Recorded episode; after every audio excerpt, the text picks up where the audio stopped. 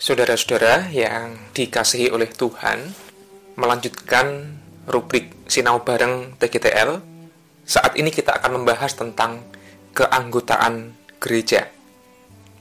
Pertanyaannya adalah, siapa sih yang menjadi anggota GKJ? Nah, di dalam TGTL disebutkan begini. Yang menjadi warga GKJ adalah orang, baik anak-anak maupun orang dewasa, yang secara administratif telah tercatat dalam buku induk warga gereja. Jadi yang disebut dengan warga gereja itu adalah orang-orang yang tercatat di buku induk, baik itu anak-anak maupun orang dewasa. Maka sangat baik kalau gereja itu memiliki buku induk yang mencatat secara administratif siapa saja yang sah menjadi warga atau anggotanya. Nah, di dalam tata laksana diberikan keterangan begini. Siapakah yang tercatat dalam buku induk warga gereja? Yang pertama itu adalah orang yang dibaptis di GKJ. Jadi misalnya saya dibaptis di GKJ Pekalongan, maka otomatis saya tercatat di buku induk GKJ Pekalongan kecuali baptisnya adalah baptis titipan dari gereja lain. Yang kedua, orang yang dicatat dalam buku induk adalah orang yang pindah dari gereja lain masuk menjadi warga GKJ. Maka kita sering mendengar ada atestasi masuk. Nah, ketika ada anggota yang masuk, maka orang itu tercatat sebagai anggota gereja. Nah, tadi disebutkan bahwa yang menjadi warga GKJ itu baik anak-anak maupun orang dewasa. Bedanya apa sih? Yang dimaksud dengan warga anak adalah anak-anak atau orang yang sudah dibaptis pada waktu masih kanak-kanak, namun belum mengaku percaya atau belum sidi. Jadi setelah seorang anak itu dibaptis, maka ia menjadi warga anak. Sampai kapan? Sampai nanti ia mengaku percaya atau sidi. Setelah CD, barulah disebut dengan warga dewasa. Warga dewasa adalah orang yang sudah dibaptis pada waktu anak-anak dan sudah mengaku percaya atau CD. Serta orang dewasa yang dibaptis dan mengaku percaya atau CD. Jadi orang-orang yang sudah baptis dewasa atau orang-orang yang sudah CD itu disebut sebagai warga dewasa. Lalu bagaimana dengan orang-orang yang tidak tercatat dalam buku induk, tapi orang itu bergereja di sebuah GKJ. Maka di dalam TGTL disebutkan mereka adalah warga simpatisan, yaitu orang yang menyatakan simpati dan bergereja di GKJ, namun belum dibaptis atau belum mengaku percaya, atau warga dari gereja lain yang bergereja di GKJ itu. Jadi misalnya ada seorang anak yang belum baptis, namun dia sudah bergereja, ya dia adalah simpatisan. Atau ada warga gereja lain yang bergereja di sebuah gereja. Dia juga warga simpatisan. Biasanya orang-orang yang bekerja di luar kota, itu ya mencelok di sebuah gereja. Belum tentu dia menjadi anggota gereja itu, namun biasanya menjadi simpatisan. Nah, sebagai warga anak itu memiliki hak. Hak warga anak ini baru muncul di dalam TGTL tahun 2015. Di TGTL sebelumnya itu nggak muncul tentang hak warga anak, adanya hanya hak warga dewasa. Itu artinya, dalam TGTL ini, GKJ memberikan perhatian yang lebih kepada anak-anak, karena mereka juga adalah warga gereja dan berhak mendapatkan pelayanan. Apa saja hak warga anak itu? Pertama, mendapatkan pelayanan dan perlindungan agar keselamatannya terpelihara. Yang kedua, berpartisipasi aktif dalam kegiatan dan pelayanan gereja.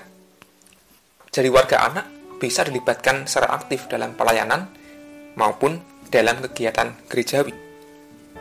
Yang ketiga, warga anak bisa dipilih sebagai anggota komisi, kelompok kerja, panitia, tim, atau badan pelayanan gereja yang lain. Jadi meskipun ada orang yang belum CD, dia masih warga anak.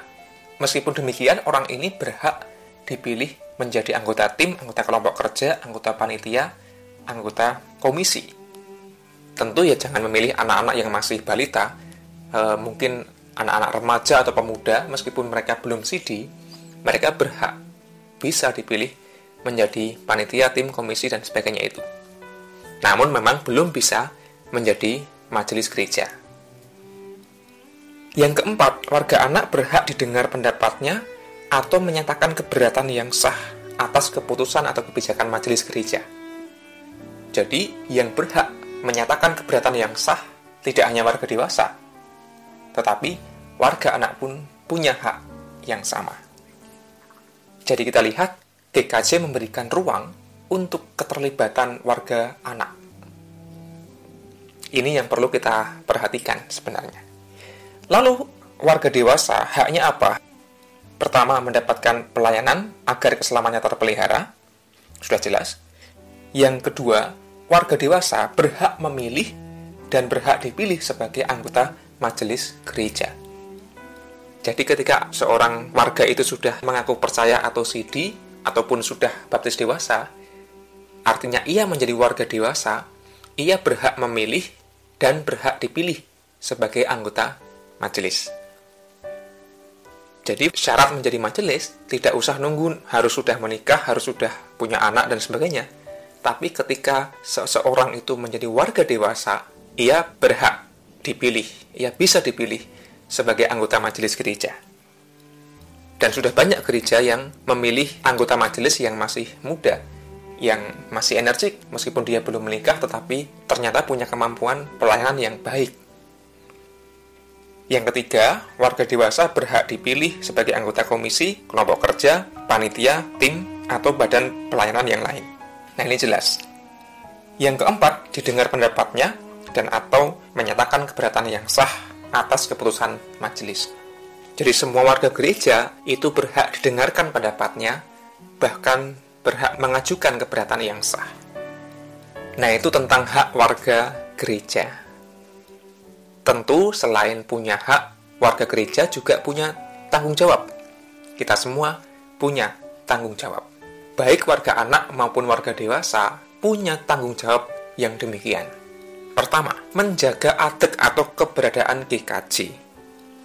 Jadi kita ini punya tanggung jawab menjogo adeking gereja, menjaga keberadaan GKJ. Jangan sampai GKJ itu musnah. Nah, ini terkait dengan nomor dua, bertanggung jawab atas keberlangsungan kehidupan GKJ. Maka kita sebagai warga GKJ tanggung jawabnya adalah nguri-uri GKJ. Bagaimana kita belajar untuk mencintai, untuk bergereja di GKJ, meskipun tentu saja GKJ punya banyak kekurangan dan punya kelebihan juga. Namun bagaimana kita bertanggung jawab menjaga adat supaya GKJ terus berlangsung dan juga berkembang. Tanggung jawab ini yang kadang-kadang diabaikan atau dilupakan oleh warga gereja. Terutama memang di zaman sekarang gereja tidak bisa terlalu ketat, tanda kutip memaksa warganya untuk harus bergereja di GKJ. Kita lihat ada banyak orang yang memilih tidak bergereja di GKJ dengan berbagai alasan. Ya, di dunia yang sudah secair seperti ini memang keanggotaan tidak bisa dipaksakan secara kaku. Namun maksudnya adalah bagaimana kita sebagai warga gereja tidak melupakan tanggung jawab untuk tetap nguri-uri GKJ. Yang ketiga, warga GKJ bertanggung jawab untuk mengambil bagian dalam pelaksanaan tugas panggilan gereja, baik itu memelihara iman maupun kesaksian.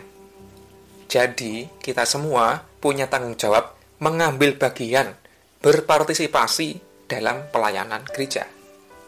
Entah warga anak, entah warga dewasa, akan menjadi baik kalau melayani, terlibat, bukan hanya menjadi penonton yang pasif, hanya nyadong minta dilayani, namun kita semua pada dasarnya adalah para pelayan Tuhan. Yang keempat, warga GKJ punya tanggung jawab menjalankan kehidupan etis selaku orang percaya. Kapankah dan di manakah kehidupan etis itu terwujud?